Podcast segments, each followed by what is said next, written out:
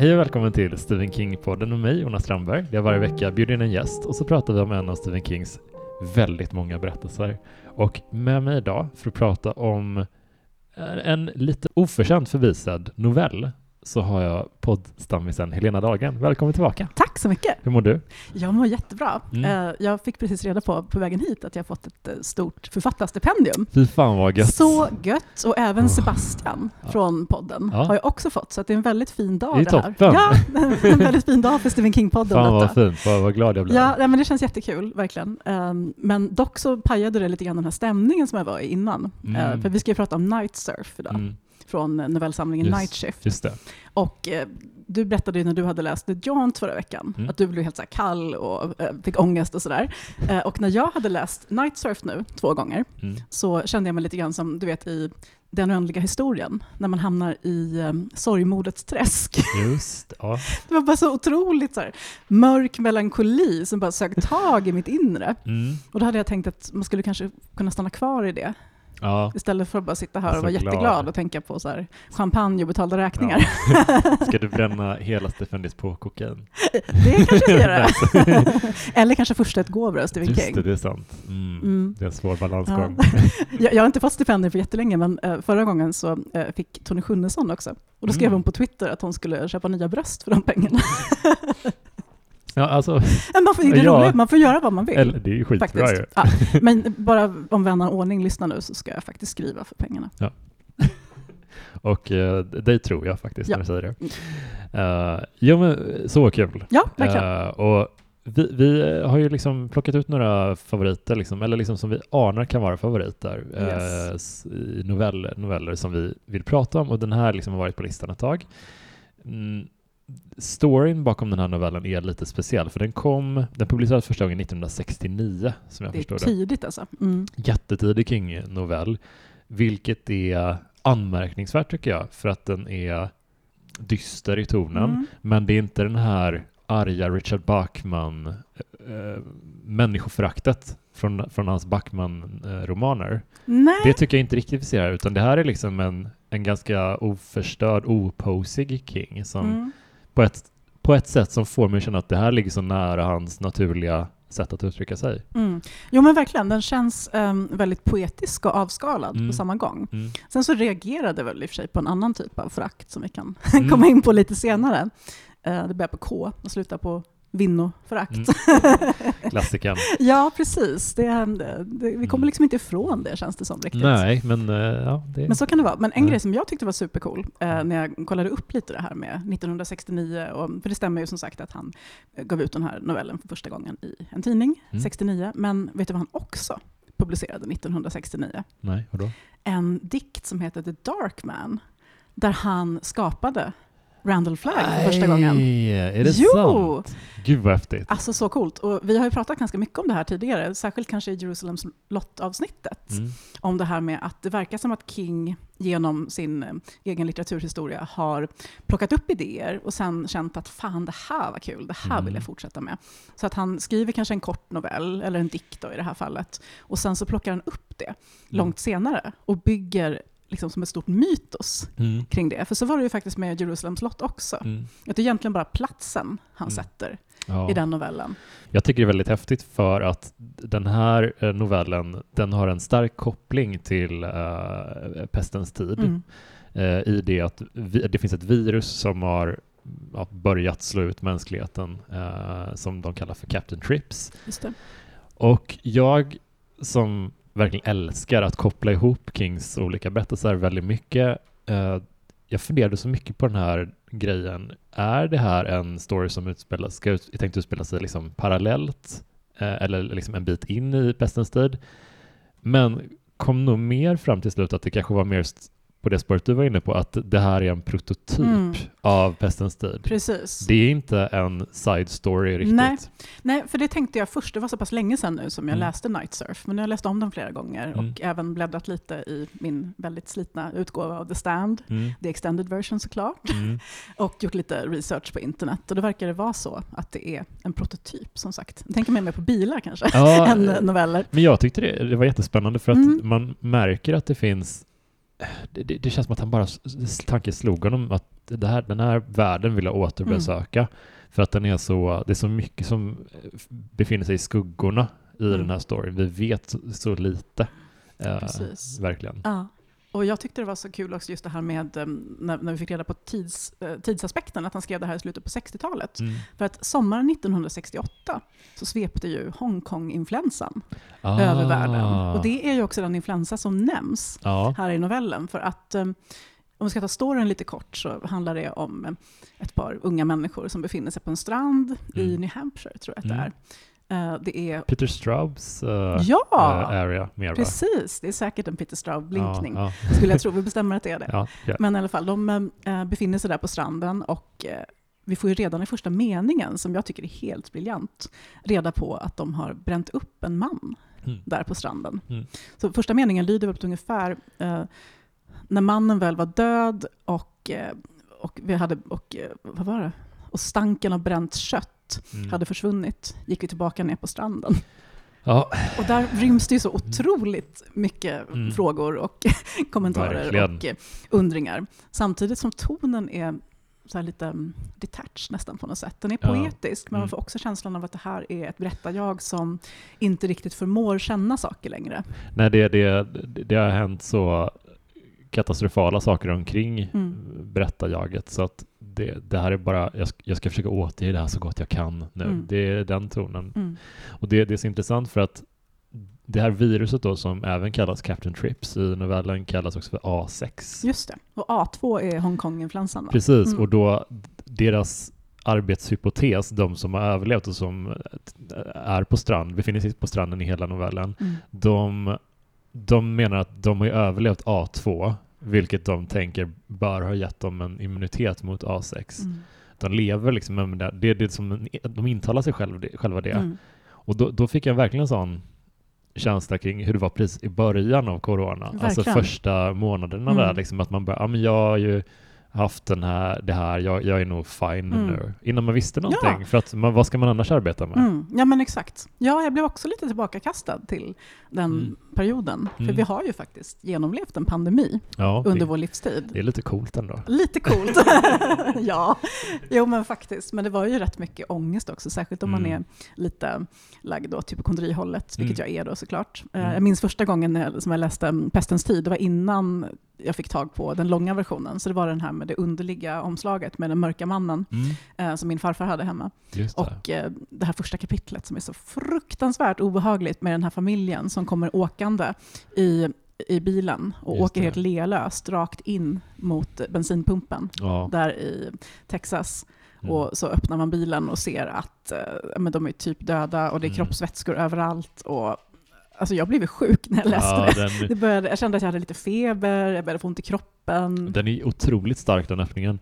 Jag tänker att eh, på samma sätt som eh, eh, King gick vidare från den här novellen och sen byggde Pestens tid, mm. eh, så kände jag faktiskt med Jerusalems lott ja. och uh, Chapel Waits. Mm. Att det, de, det, det är liksom olika upphovspersoner där, men precis. de gjorde det av mm. så här lite, så byggde de ut den här världen. Mm, ja men precis, det är så snyggt det där med världsbygge tycker jag. Ja, man kan ta otroligt. beståndsdelar. Och då finns det ju ändå, tycker jag, ganska mycket beståndsdelar i just Night Surf, um, där man kan se att det faktiskt finns med sen i The Stand också.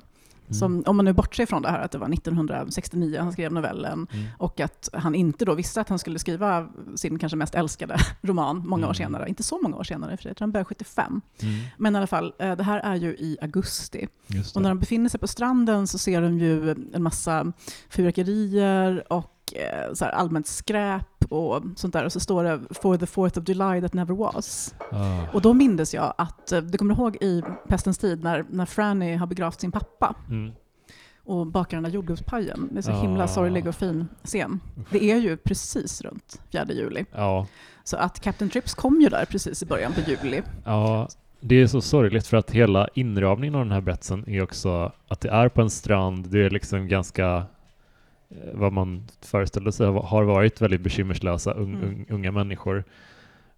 En sorgsen sommar verkligen bara, lite ja, fingerspetsarna. Och det är det jag verkligen älskar med den här novellen. Ja. Den här melankolin som mm. bara pyr ja. ur varenda sida. Ja. Och jag tror det är därför jag också älskar avsnitt tre av The Last of Us så himla mm. mycket. Mm. För där finns ju också det här mellanmänskliga. Mm eh, de här minnena av ett liv som inte finns längre. Mm. Men du vet den här scenen när, eh, när de sitter vid eh, pianot och eh, sjunger den här fantastiska Linda Ronstadt-låten, det. For a long long time. Och eh, de båda två har tyckt om den sången Mm. i ett annat liv, där de kanske var ute med kompisar och tog en öl och bara lät sina liv pågå. Mm. Eh, sånt tycker jag alltid är så sjukt fint Ja, i just eh, dystopier. verkligen. Och det tycker jag att han gör så himla bra här. Det, det är verkligen så snyggt att vi följer bara de här ungdomarna på Mm. stranden och ehm, det är liksom allt vi vet om den. Det är deras lilla värld. Vi får inte veta så mycket om det som är runt för att det, det, det är inte viktigt för de här människorna Nej. i berättelsen vad som händer i, i resten av världen. Det nämns i förbipasserande någon, någon detalj Mm. men det är, liksom, det är deras liv här som, som är relevant. Mm. Så det tyckte jag var fantastiskt fint skildrat och även hur den här ja, men, tristessen lite, tristessen kontra desperationen som infinner sig Mm. som sen skulle visa sig stämma ganska bra med hur det är att leva i en verklig pandemi. Mm. Eh, det träffar han också väldigt bra med Ja. På ett lite läskigt sätt. Ja. ja, för jag måste ju vara ärlig att när jag läste den här novellen nu för första gången på flera år, Mm. eh, det var det som jag mindes, just det här melankoliska, känslan av de här ungdomarna som står på stranden, Mm. den mörka bränningen som eh, sveper in, väldigt snygg titel förresten Mm. på den svenska novellen, den heter ju Mörk bränning. Eh, Så det var mest den stämningen som dröjde sig kvar i mig. Mm. Men sen så när jag började läsa så kommer vi direkt in i men, ganska så här, ganska stort kvinnoförakt. Och Mm. jag tror att han använder ordet fat tre gånger som ett skällsord på Mm. en sida. Mm. Han säger till exempel om, för huvudpersonen heter ju Bernie, Mm. och eh, han har efter Captain Trips träffat, vad jag förstår, ett gäng ungdomar Mm. som han hänger med nu där eh, på stranden och runt omkring. Mm. Och bland annat så hänger han ihop med en tjej som heter Susie, som han har någon slags underligt förhållande till. Det, Ja, det ja verkligen. Inte, han är inte boyfriend of the year på något sätt. Nej, nej, vad synd då. Ja, och då säger han ju att eh, nej, men hon började bli tjock. Om hon levde tillräckligt länge, vilket inte var troligt, så skulle hon bli riktigt fet. Hon var redan mullig. Och det var liksom på typ fjärde stycket som det här kom. Och då kände jag att det här är sånt, sånt förakt. Liksom. Och så bara några rader efteråt så kommer Fat Baggy Grandmothers. Nej, men Och sen så säger han också eh, Even Susie, little bitch Susie with her fat ass and her cranberry bell bottoms. Ja, det, det Och det här är en sida. En sida. Ja, ja, det är rätt så... Kan vi, jag har inte hunnit lyssna på det avsnittet av Losers Club som du Nej. nämnde förra gången du gästade. Men Precis, med Meg Ellison. just det, Mm. och jag tänkte, jag, så, så jag är inte säkert samma djupgående analys det, men man får lite intrycket av att King själv har en del liksom Mm. eh, vikt-issues. Ja, Att han skulle, han har ju hållit sig själv i ganska norm, normalviktig Mm. eller lite, till lite mager ibland. Mm. Liksom. Så att om det är en grotta sig i någon sorts själv, självförakt kanske. Ja. Att han bara, att, fast det är oftast kvinnor det är riktat det mot. är faktiskt oftast kvinnor. Ja. Och um, när du läser It sen så kommer du märka Mm. att där är det brutalt alltså, Mm. av någon anledning. Mm. Eh, nej men jag vet inte, Meg Ellison hade väl lite olika teorier där. Mm. Men hon nämnde också en grej som jag har glömt bort. Nu blir det väldigt så här, hänt i veckan. Nej, du, du vet när man, är- när man ser eh, omslaget på kändisar före och efter. Men King har ju haft en period då han var ganska stor Mm. faktiskt. Och Mm. jag tror att det sammanföll med när han drack typ så här 18 sexpack om dagen Ja. och gick på koks. För då kanske man inte fattar de mest hälsosamma Det, eh, dietvalen, Nej. om man säger så. Ehm, och intressant nog så är ju Tabitha ingen liten kvinna heller. Nej, Eh, det har jag tänkt på faktiskt jättemycket. eh, Mm. när jag läst de här eh, Mm. ganska flagranta ändå, eh, Ja. angreppen på en viss kroppsform. Ja, Eh, så först så var jag så här, men jag tänkte vad fan är det här för någonting? Eh, men sen så fick jag en teori mm. Som jag tror kanske håller, eller så läser jag in alldeles för mycket. För det här är ju en novell som i min version eh, från 1979, eh, första pocketutgåvan Mm. av eh, eh, den. Night Shift. Väldigt snygg är den faktiskt. Ska ta en bild på den sen. Den är bara sju sidor. Mm. Väldigt tätt skrivna sju sidor förvisso. Mm. Men det är ändå väldigt, väldigt kort. Eh, men då tänkte jag väldigt mycket på det här med Maureen, Mm. hans flickvän, Mm. som nämns från början. Och som också få sluta hela den här berättelsen. För Mm. som du sa innan så slutar han ju med ett minne. Mm. När han och Maureen är på stranden och det är en jättevarm och solig dag. Han smörjer in henne på ryggen, eh, hon smörjer in honom, de äter glass, de har det fantastiskt. Mm. Och han nämner flera gånger under den här korta novellen när de var tillsammans och man förstår att oj, det här är nog hans livs kärlek. Ja. Och hon lever ju inte längre. Nej. Maureen har ju dött av Just det. Captain Trips. Ja, ja. Liksom alla som han älskar Mm. och bryr sig om. Sen nämner han ju också, Maureen was a big girl. Mm. De har samma kroppsform de här två tjejerna. Ja. Och jag tror att han kanske har sökt sig till Mm. Susie Mm. för, att han, för att hon rent ytligt kanske påminner ja. om den här tjejen han var kär i. Men sen så upptäcker han dels att nej, men vi har ingenting gemensamt. inte- Och sen så tvivlar jag ganska starkt på att man blir sitt bästa jag efter en dödlig pandemi. Ja, jag tänker att om man, om man ska försöka gå in i hans huvud så tänker jag också att det, det är ett fantastiskt bra spår. Men jag tänker också att han, eh, han kanske har den där känslan att hon överlever. Den Ja, här bruden, ja, hon överlever, men min, men min litt livskärlek Mm. fick inte klara Nej. sig. Precis. Och det fast det inte finns några rationaliteter, det är bara en, en ilska som ska Exakt. ut någonstans. Liksom. Är, Ja, precis. Och så, så far han ut på henne. ja, ja, men det är ju eh, alltså, djupt mänskligt men också Mm. patetiskt på Ja, många sätt. Men jag Så- tänker att alltså den här sociala fernissan som vi alla går runt och putsar på hela tiden. Mm. Den här tanken om att vi är goda människor med Mm. hög moral som Mm. beter oss anständigt. Mm. Den kan ju rasa mycket lättare Ja. än vad man tror. Ja. Och det är det som har skett här. För Ja. att de har ju inget kvar. De har inga fernissor kvar att putsa på. De har liksom Nej. inga höga hästar de behöver sätta sig på längre. Nej, det finns ingen, ingen väldigt lite artighet eh, Mm. mellan, mellan alla de här personerna. Och det är också en, något intressant, det här som du nämnde, att i novellen inleds med att eh, de har precis bränt en kropp. Mm. Och stämningen var väl att det var något som någon sorts offergrej va? ja, så Att- tolkade jag det. Alltså vi vet inte riktigt vad vi riktar Mm. det här offret Nej. men det kanske hjälper. Mm. Första gången jag läste, jag läste igenom den två gånger inför, inför podden och första gången så kände jag att aha, det är bara ett praktiskt sätt att hantera eh, de döda kropparna. tänkte jag också så att de först. inte bara ligger och... Men sen bara, fan det var något annat där Mm. i som kändes som att de, de är desperata. Ja, och, ja, och då vet inte jag, för det här är för att jag är helt besatt av Yellow Jackets just nu. Kollar Mm. du på den serien? Jag har inte gjort det än. Åh gud, det måste du göra. Ja, den är göra det? helt otrolig. Ja. Det är ett um, tjejfotbollslag eh, från high school som eh, kraschar mitt ute i vildmarken i Kanada 1996 och blir fast en hel vinter Mm. där. Och de måste ganska omedelbart fatta ganska omänskliga beslut Ja. om de ska överleva. Och där är det väldigt mycket, utan att spoila, mycket så tanken på offer, att man på något sätt ska blidka någon slags mörka gudar för att få överleva. Mm. Och mm, jag tänkte väldigt mycket också på Needles, som Mm. kanske tillsammans med Kelly och Joan Mm. är de i novellen som man ändå gillar lite grann. Ja, ja, faktiskt. faktiskt. Ja, nej, man får ju reda på att han troligtvis har Captain Trips. Mm. Han går ju fram till, eh, till Bernie och säger att jag är sjuk. Ja. Och då har han också haft A2, Ja. Hongkong-influensan.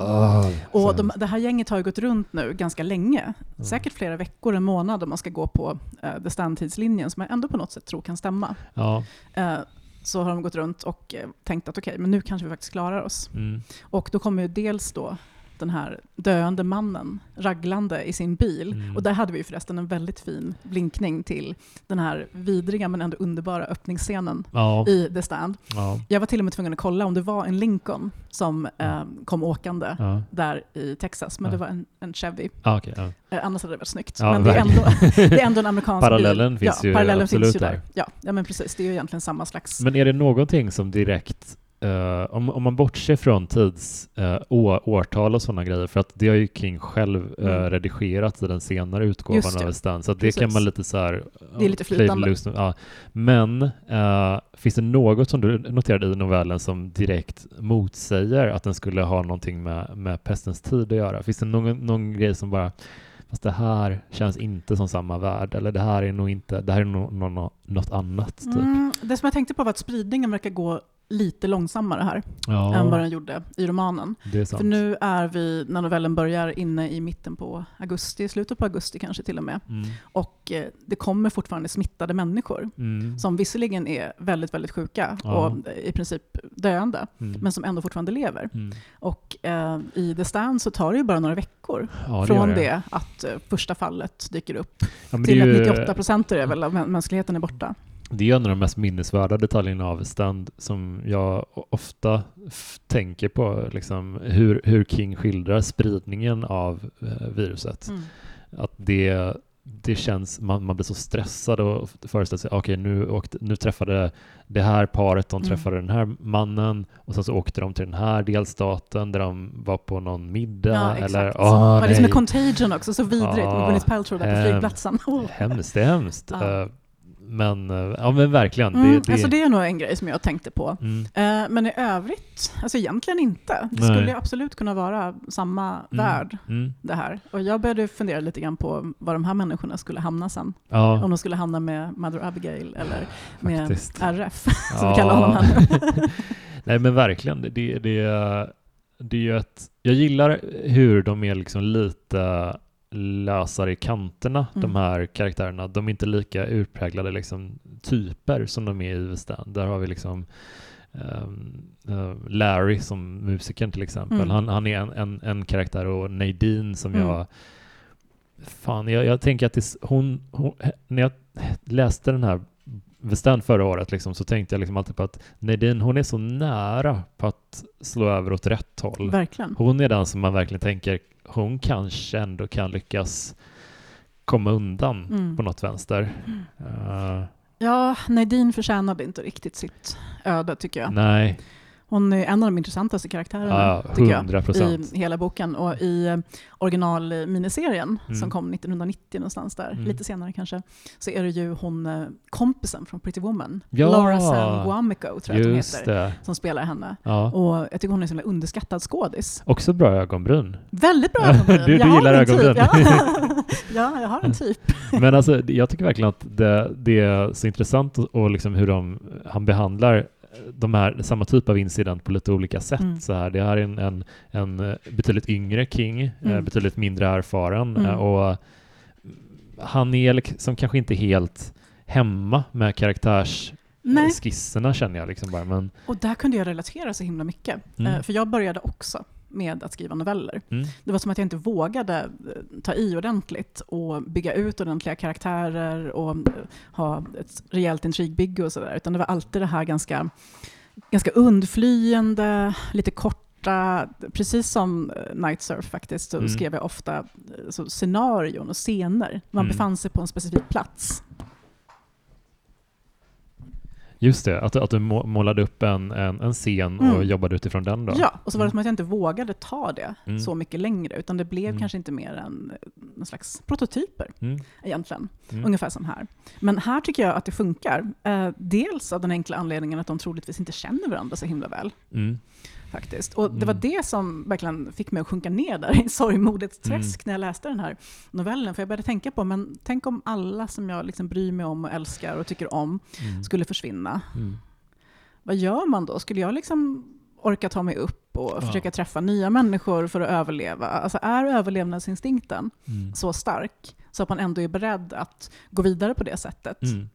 Jag vet faktiskt inte. Nej, alltså verkligen. Och det var så, en, en, en grej som faktiskt höjer den här, tycker jag, novellen över Westan är mm. att eh, den jobbar mycket mer med gråzoner verkligen. på ett helt annat sätt faktiskt. Att, att vi, I Westan så är det huvudfokus på liksom två läger som du mm. nämnde. Liksom det, det är Ronald Flaggs eh, anhang och eh, Mother Abigails läger. Det, sen så är det, det finns lite gråzoner där, mm. men det, det är liksom huvudsakligt, huvudsakligen de två lägren vi pratar om. Mm. Här är det liksom bara ett gäng som råkar ha samlats tillsammans och som inte är kallade direkt. Det, det verkar vara ganska vanliga kids. Liksom. Det är inga, inga speciella... Mm. Och så måste det också ha varit. Det här är liksom ja. en sån meanwhile eh, någon annanstans eh, historia till Vestand mm. som jag tycker är riktigt fascinerande. Ja, och jag älskar att allt är så godtyckligt och eh, att det inte finns någon mening mm. med någonting överhuvudtaget. Mm. Ja. Och där känner man också igen det här lite nihilistiska mm. i Kings sätt att skriva. Vi har, alltid haft, vi har allihopa haft en sån här gymnasialfas då man älskar så Nietzsche och ja. eh, Camus och eh, håller på att skriva saker om att Gud är död och inget betyder någonting och så. och han hade uppenbarligen den eh, på college. Eh, ja. och, och, han gör det bra tycker jag. Ja, och jag tycker ja. att det passar också just i dels det här formatet, när det är väldigt kort. Och jag tänkte också ganska mycket på Ernest Hemingway och den här mm. isbergstekniken ja. som han eh, bemästrade så himla väl. Mm. Att det finns så otroligt mycket som egentligen inte sägs rakt ut, mm. som är underförstått. Mm. Som den här då eventuella ledtråden till att han är tillsammans med Susie nu.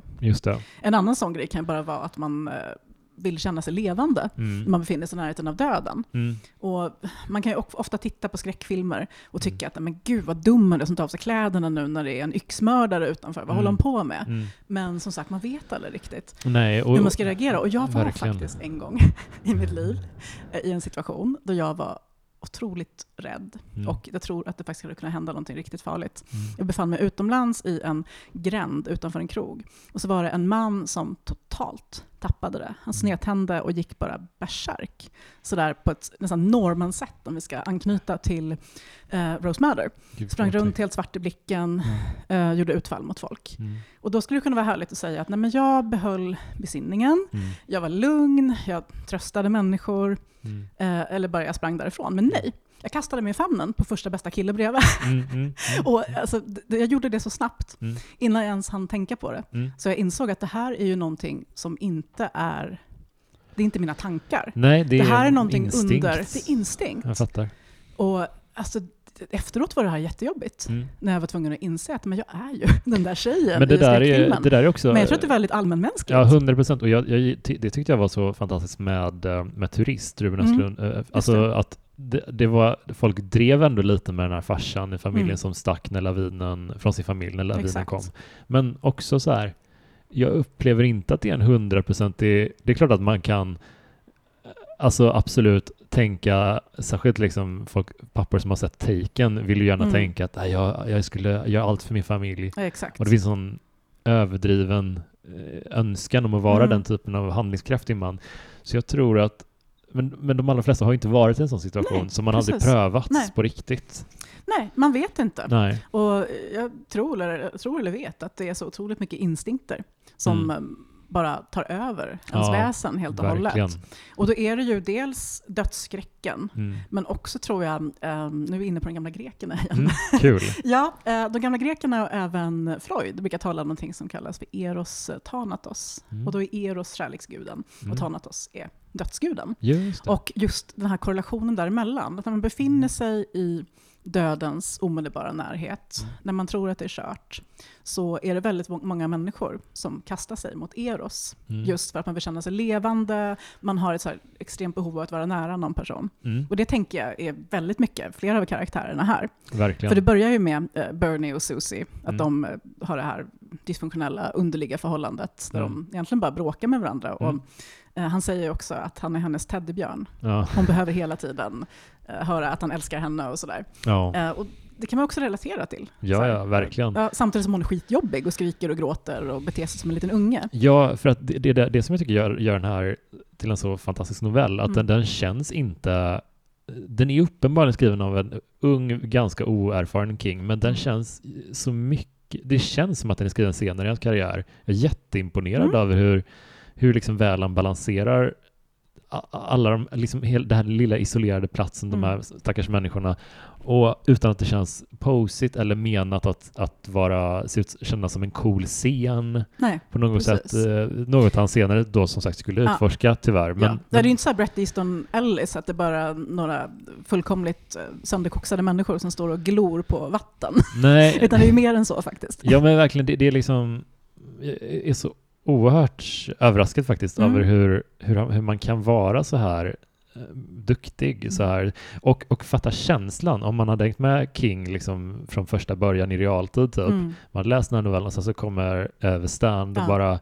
ska ta steget ut och den bara blommar ut mm. åt tusen olika håll och man bara shit, vad, ja. vilken det, det är så coolt tycker jag. Ja, verkligen. Mm. Jag har mm. lite svårt att sätta ord på det nästan, mm. för att det, det var väldigt kul att få läsa den här efter att mm. ha läst Vestand och liksom ha en rela stark relation till mm. den, vilket många har. Liksom. Mm. Men det ger faktiskt väldigt mycket mer och, och särskilt att sätta den i perspektiv till den, liksom att han gick härifrån och sen byggde han ut det här. Det är liksom det är också något megalomaniskt Ja, över.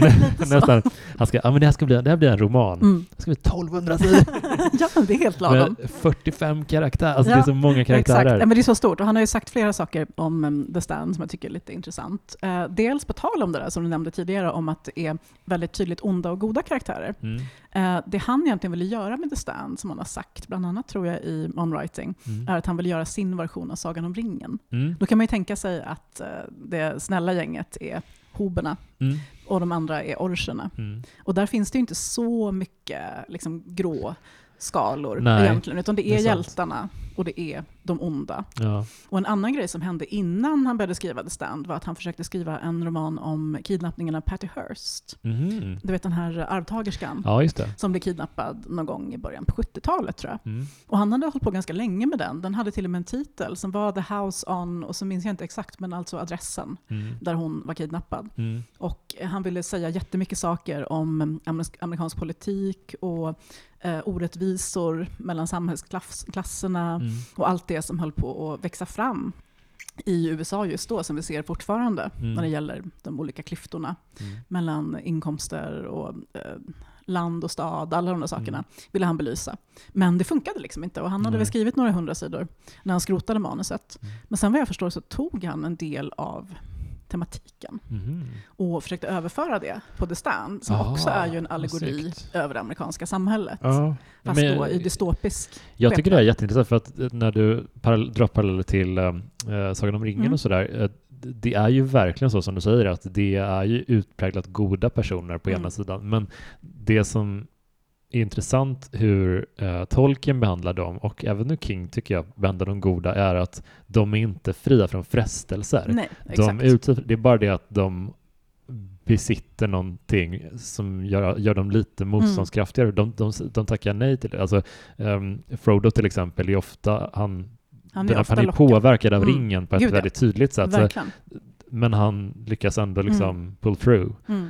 Och på samma sätt så, så är ju de goda i, i, i Pestens tid, de är ju utsatta för Randall Flaggs lockelser Exakt. också. Men de Ja, Nick drar... Andros till exempel i fängelset. Ja, exakt. När han kommer och besöker honom. Ja, men de Mm. väl, fast de väljer bort Mm. det. De väljer och, något annat. Mm. Liksom. Precis. Så, så det... Ja, det finns ju lite gråzoner där ändå, på samma sätt som menar, Nadine får ju kontakt också med Mother Mm. Abigail om inte jag minns helt fel. Mm, Hon är ju en av dem som får en vision från henne, mm. vilket skulle kunna tala för att hon är kallad, men att hon sen bara fattar ett felaktigt beslut. Ja, men det är verkligen... Jag, jag tänker ganska mycket på berättelsen om, om bibliska berättelsen om Jesus Mm. i öknen där när han är, är, är borta liksom och vandrar i öknen och inte äter, inte dricker. Och då, enligt, i, i den, som jag minns det så blir han liksom besökt ett par gånger av, av djävulen som liksom erbjuder honom mat och dryck liksom, mm men han tackar nej. Mm. Det är liksom en sån face-off mellan den fallna ängeln och Guds son som är väldigt eh, man kan känna igen sig ganska mycket av den i Mm. en del av Kings grejer. Ja, jag tänkte också nu direkt på vår senaste poddbok, Mm. Rose Madder, Ja, där hon inte får äta eller dricka någonting, ja där hon befinner sig inuti tavlan. Och verkligen. då pratade vi om att det var en parallell eh, till underjorden mm. och dödsriket. Ja. Så att, äh, men allting hänger ihop, tycker jag är så ja, spännande. det gör det verkligen. Det, jag blir verkligen sugen på att läsa om Pestens tid igen efter att ha läst den här för att det, det är en sån fantastisk roman och det, det är roligt hur en, en novell kan få en att bara, fan det där, jag vill läsa mer av den här. Mm. Ja, men jag tycker den är så otroligt suggestiv och jag har Mm. strukit under flera olika meningar som jag tycker är så himla snygga. Mm. Och sen också att han lyckas få in det här roliga och lite sorgliga också. Ja. Eh, som i början där med de olika radiostationerna. Just det. Att eh, det sitter någon gubbe där och spelar Perry Como, eh, ber, gråter, imiterar James Dean från East of Eden. Ja, ja. Och sen så är det någon som håller på att döpt om eh, alla radiostationer till så extremt eh, pubertala grejer som eh, KUNT till exempel och Just det. WA6 och sådär. Att ändå orka hålla på med sånt ja, när jorden har gått under. ja, men alltså det är, de bara eh, håller liksom sig själva Ja. vid liv och roar sig själva. Mm. Liksom. Eh, men eh, den är så fantastiskt eh, det här minnet som du nämnde liksom, Mm. eh, som avslutar novellen är ju helt otroligt verkligen. Ja, det Man, man får fint. känslan av att det han, han bara slocknar i det Mm. minnet på något Ja. sätt. När han minns eh, Maureen, Ja. hans sommar. Ja, liksom. verkligen. Nej, men det, är så, det är så jävla sorgligt. Och sen också det här att de befinner sig på stranden och naturen är ju fortsatt vacker. Mm. Naturen kommer ju troligtvis finnas kvar. Eh, Mm. Om vi dör av en pandemi allihopa Mm. så kommer ju vågorna fortsätta slå och Mm. tidvattnet kommer finnas och Ja. månen och sanden och allt det där. Eh, Så att det finns ju. Men sen tycker jag också det är så otroligt snyggt här eh, när han sitter där och funderar på hur länge till de kommer överleva. Mm. Så säger han um, “Dead by Christmas maybe” in somebody's front room with Corey's expensive radiotape player on top of a bookcase. Och så här, Reader's Digest-böcker, “The weak winter sun lying on the rug in meaningless window pane patterns”. Mm. Och sen säger han att eh, han börjar rysa då, för ingen borde tänka på vinter i augusti. Det är som när någon går över din grav. Mm. Och de, alltså, de meningarna är ju alltså, så bra. Ja. ja, Sjukt bra. det är otroligt och de är ju, de, det är verkligen sant för att han sätter fingret på någonting som man kanske inte har tänkt på att de har haft lite, lite tur. Mm, Eh, med sommaren, ja. Ja, att Mm. de har liksom ändå kunnat driva omkring lite. Men det är, det är bara köpt tid. Ja. Det, det kommer ju... Alltså, ja. Mm. Uff. Och Ja. New Hampshire känns också, jag, jag kan lite, ganska lite om geografin där, men visst är det ganska snarligt så här, skandinaviskt Mm. liksom, klimat där. Det är ju eh, grannstaten från Maine. Ja. Jag tror innan man åker upp till Maine så Mm. åker man igenom New Hampshire. Och precis som Maine så är det en väldigt stor turistdestination på somrarna för Mm. att det ligger nästan helt och hållet längs eh, kusten. Ja. Så att de verkar ha hittat också ganska mycket att käka och sådär. Att det Ja. finns liksom skräpmat, gamla chipspåsar, eh, finns massa varm öl som de kan hälla i sig. Det är en annan grej jag tycker är fantastisk för att eh, både du och jag är ju förtjusta så här liksom eh, off-season Mm. semesterorter. Bästa. Det är så jävla mysigt typ. Visst är det det? det, här, man får en sån flash till den här och jag, Mm. jag liksom den kan man ju ha delade åsikter om, men den nyare filmatiseringen av Pestens tid Mm. eh, med Skarsgård och sådär, öppningsavsnittet där, där de är i, i eh, hennes liksom eh, hemort typ, som är Mm. den där semesterorten. Just det, Frania. Ja, Mm. precis. Det Hon är min favorit nästan. ja, jag tycker jättemycket om henne och det är en så sjukt bra Mm. eh, miljö. Mm. Liksom det, man vill bara vara där. Ja, man vill verkligen. Minus de här svullna halsarna Ja, som alla får. Med den svullna halsen Åh. och den svarta liksom, eh, läderaktiga huden som man får Ja, av febern. Det verkar åh. jättejobbigt.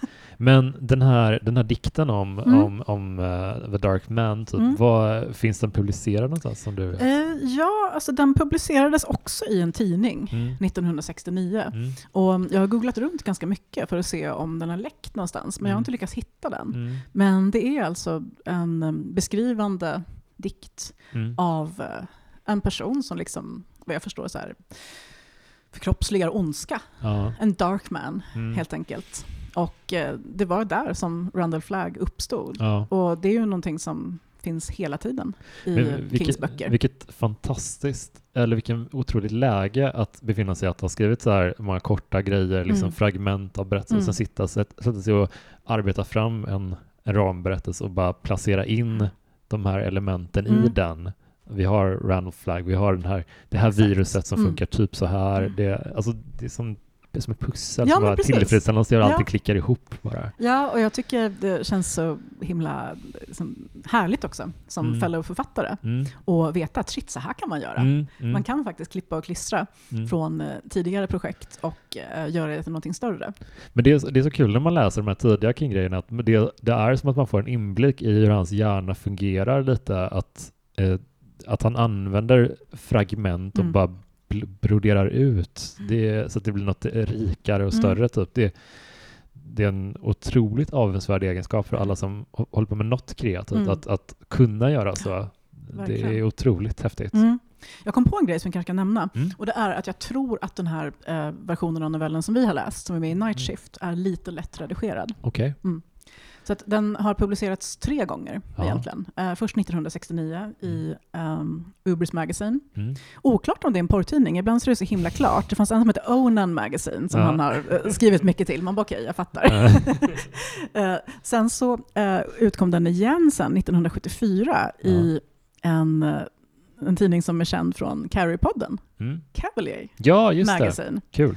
som han har skrivit ganska mycket noveller för Mm. faktiskt. Och eh, sen så kom den då igen i Night Shift som var hans första novellsamling 1978. Mm. Så jag tror att King har gått tillbaka och reviderat lite. Och kanske också då att han har ändrat vissa detaljer för att det ska passa bättre ihop. Nu, Ja. nu tjejgissar jag bara här. Mm, mm. Men jag tänker på det här att det passar så bra ihop med att det är på sommaren, Mm. att uh, så här 4th of July wrappers ligger oanvända Ja. ehm, och att det nu är augusti, vilket skulle kunna stämma väldigt bra överens Just- med ja, tidslinjen. Ja, men det har han ju Stand. gjort eh, lite. Han har ju, gjorde definitivt som uh, Gunslinger, att Mm. han gick tillbaka när han har skrivit upp ett par till böcker. Att okej, det. det måste stämma med den Mm. första också. Fan också. Jag, Just det, jag ger ut en ny version av den första. Precis. Så härligt om man kan göra det. ja, alltså verkligen. Ja. Eh, Så jag skulle tippa på att han kanske har gjort det faktiskt. mm. Och det kan ju också förklara varför jag tycker att han skriver så jävla bra.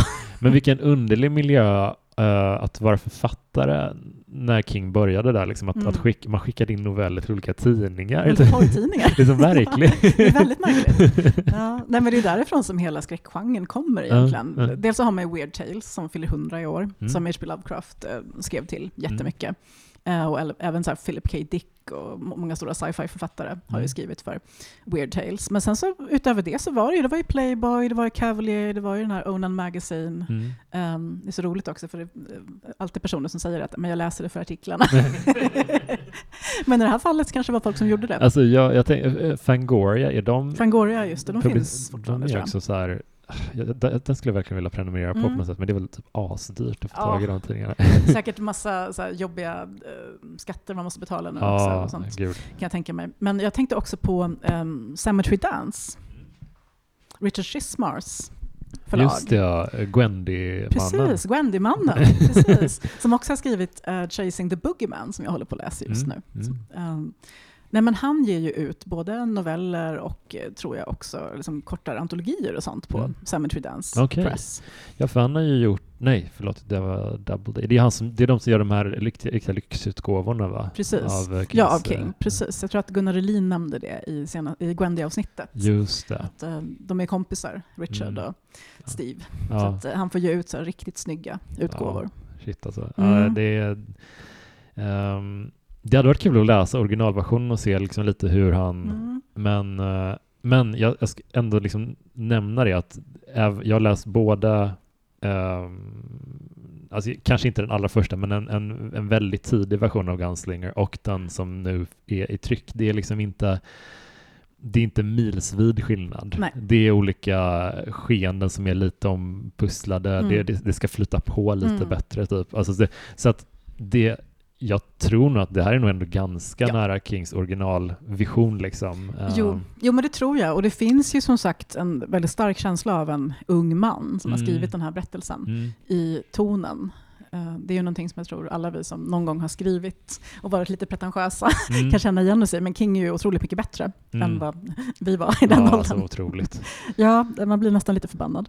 Det är också kul, den är, den är verkligen inklämd i, eh, i den här. Den är, den är liksom, min version är nio sidor, din är sju sidor. Den är liksom bara inslängd i, i samlingen. Det, det är det som är så roligt med de här samlingarna, att man kan hitta en, en jävla guldberättelse i högen bara. Jo men verkligen, det är ju efter kommer I am the doorway som jag tycker väldigt mycket om faktiskt. Mm, mm. Eh, och innan, jag tror, är det Trucks innan kanske? Jag måste kolla. Det, den är galen den här samlingen alltså. Nej, det är Graveyard Shift innan. Ja, Den med råttorna. Just det. Kanske inte den starkaste novellen i Nej, samlingen. nej, det är det väl inte. Men den, den har en, överlag en, en, en bra hitrate, uh, Mm. Night Shift, uh, i den eviga uh, debatten Ja. Skeleton Crew vs Night Shift som jag har hittat på i mitt huvud. Så Jag, jag, tänker, måste det finnas eh, lag där? ja, det kanske inte... det, det, I så fall är jag nog ändå team Night Shift. det är så? Ja. Mm. ja, det, Om jag måste välja, men Ja, jag ja. älskar ju Skeleton Crew. Och jag tror, i synnerhet för att eh, jag hade just den här svenska utgåvan som du skrev om nyligen på ja Café med apan. Förskräckliga apan. Eh, hade Kul. jag eh, i bokhyllan när Ja. jag var typ 14 kanske. ja. Och eh, det finns ju vissa böcker som man bara kan öppna för att drabbas av en sån här härlig känsla Mm. av eh, rys och skräck. ja. Och det var verkligen en sån. Jag minns att eh, jag kunde ibland så komma hem till kompisar som hade den i bokhyllan. Typ Mm. någon förälder hade den kanske. Mm. För det var ju på den tiden då alla läste King Mm. i princip. Det, det är som är så för jag såg den, den svenska versionen av Night Shift är ju Dödsbädden, Mm. väl? Precis. Eh, och när jag såg omslaget till den svenska utgåvan så bara, men den här har ju vi haft hemma i Mm. hundra, jag visste inte att det var King Nej. ens. Jag tror jag, jag känner igen bara liksom bildspråket Ja, och precis. sådär. Och det är ju egentligen en ganska konstig översättning för att eh, det är ju den sista novellen i samlingen, Mm, The Woman det. in the Room, Just det. som jag tror är Kings sätt att närma sig mammans eh, sjukdom och död. Mm, För att det handlar ju om eh, någon som besöker sin döende mamma. just det. Ja. Så det är den som hela samlingen har fått eh, sin titel efter. Mm, Ganska mm, intressant, Mm. tycker jag. Alltså verkligen. Men uh, vad, alltså shit, vad, vad, vad, vad kul att, att man, den finns så mycket att säga men Mm. så blygsam liten, liten novell. Ja, för jag blev lite orolig först eh, när jag började läsa om novellen och så, shit, sju sidor. Mm. Hur ska vi få in det här Mm. i en podd på kanske 45 minuter? Ja men alltså det är ju såna, sånt starkt släktskap med Stan som ändå, jag, jag kände kanske med Jerusalems lot att den, eh, den kändes nästan som en helt annan typ av berättelse än Salems lot. Mm. Den är liksom, form, liksom uppbyggd på ett helt annat sätt och språkmässigt lite annorlunda och sådär. Jo, det är ju en Lovecraft-hyllning. Ja, men tydligt. mer det Mm. liksom. Eh, Men här kände jag verkligen att det här är ju typ, man ser alla frön och liksom vad Mm. de, man förstår vad som ska hända med dem. Det, är- det är som att se, det finns ju en, jag vet att du är ett Twin Peaks-fan också, det, Big time. det finns ju en, eh, den här eh, långfilmsversionen av Alltså som, som typ bara löser mordet. Eh, eller någon sån Ja, ja, precis. Första, De, man gjorde en europeisk och en amerikansk version av Ja, pilotavsnittet. just det. Just det. Och då, det, det ser ut som en film. Mm. Eh, och, och, och då ser man liksom i, i den här långfilmsversionen som är svårt komprimerad. Mm, av, den är lite nerklippt, ja. men, men, men samtidigt tycker jag den har kvaliteterna för att man ser vad som man vet vad de Mm. gjorde med alla de här grejerna, Mm. liksom alla de här karaktärerna som Exakt. bara t- dyker upp i, någon, i förbifarten Mm. typ i, fi, i filmen Mm. inom citationstecken. Mm. Vad som sen ska hända med dem, vad de ska göra med dem. Ja, det blir som ett varsel. Ja, exakt. Exakt så. så. Så kände jag lite med den här faktiskt. Att Mm. det, det var bara, det var en, inte en ride, det var jättedeppigt, men Mm. det var fascinerande att läsa den. Verkligen. Och sen tycker jag att den känns så filmisk också. Mm. Och på tal om det så finns det ju en film. Mm. Har du sett den? Nej, jag har inte gjort det Mm. faktiskt. Men det är ju en del av um, det här um, Dollar Baby-projektet. Mm. Som också är en anledning till att man så här, tycker att Stephen King är världens finaste människa. Mm. För att eh, det var ju ett antal år sedan nu som eh, unga filmskapare Mm. fick eh, möjligheten att köpa optioner till någon av hans många berättelser för Ja. en dollar. Ja, just det. Så då var det någon som köpte Night Surf och kul. gjorde en kortfilm. Ja. Och jag hade faktiskt tänkt att jag skulle se den Ja. inför podden, men jag lyckades inte hitta den faktiskt. Men Gud, eh, den skulle jag jättegärna vilja se. borde ju gå tycker jag. Ja, en annan äh, litet sidospår, men det finns ju en som jag hörde om i eh, vid Kingcast Mm. ny- nyligen. Det finns tydligen någon grekisk regissör som har tagit Langoliärerna, den eh, svårt bespottade miniserien. Jag gillar ändå Langoliärerna. Ja, men jag tycker, om, jag tycker den och har... din signaturmelodi kommer därifrån. Ja, det är definitivt. Väldigt fint. Och den är liksom så här, jag gillar mycket, alltså typ allting tills the big reveal Mm. tycker jag är jättehäftigt faktiskt. Alltså läskigt Mm. fortfarande. Men då, då är den här grekiska regissören, han har liksom gjort, han har gjort det till en 80 minuters film Wow. som är väldigt eh, artsy Mm. och eh, svartvit och den liksom det, är mer, det handlar mer liksom om, det är mycket så här mer paranoia-stämning Mm, och han har, mm. han har tagit kärnan typ och bara gjort sprungit med den åt något psykedeliskt Mm. håll. Den är svår att få tag i tydligen men jag är verkligen Den är jag sugen den. på att se nu känner Ja, jag. jag kan lägga upp, eh, det fanns någon trailer till den i Facebookgruppen så kan Gör man det. kika på den. Den såg jätteintressant ut. Underbart. För på så sätt så tänker jag att King kanske är lite som Lovecraft före honom Mm. och många andra liksom stora kreatörer, Poe och så. Att man kan ta små beståndsdelar Mm. av hans konst Mm. och göra någonting eget med det. Utifrån Ja. till exempel tematiken eller Ja. platsen. Men titta bara på alla olika typer av filmatiseringar som har kommit ur Mm. honom. Det har varit olika kreatörer som har tolkat hans verk Mm. på olika sätt. Och sen är ju han i sig eh, en ganska mångsidig författare, men bortsett från det så, så kan man ju se hans skräckhistorier har blivit skildrade på helt olika sätt, i helt olika ton. Hans Mm. draman, alltså det, det är alltid det går alltid att lägga sin flavor på det Mm. som, som kreatör eh, när man har King. Och det, det är ganska, det är ett tecken kanske på att man är en ganska allmänmänsklig berättare. Verkligen. Typ. Att det finns något tilltal som alla kan hitta. Ja, och det är Mm. det som är så kul med den här podden också tycker jag, att Mm. det börjar utkristalliseras mer och mer. Att det Mm. finns eh, inte olika läger, för det låter alldeles polariserande, Mm. men att det finns väldigt många olika typer av King-läsare. Ja. Att det finns sådana som jag som kan uppskatta de här täta kammarspelen Mm. och de här mänskliga mötena, småstäderna, det här ganska långsamma uppbyggnadet Mm. mot skräcken.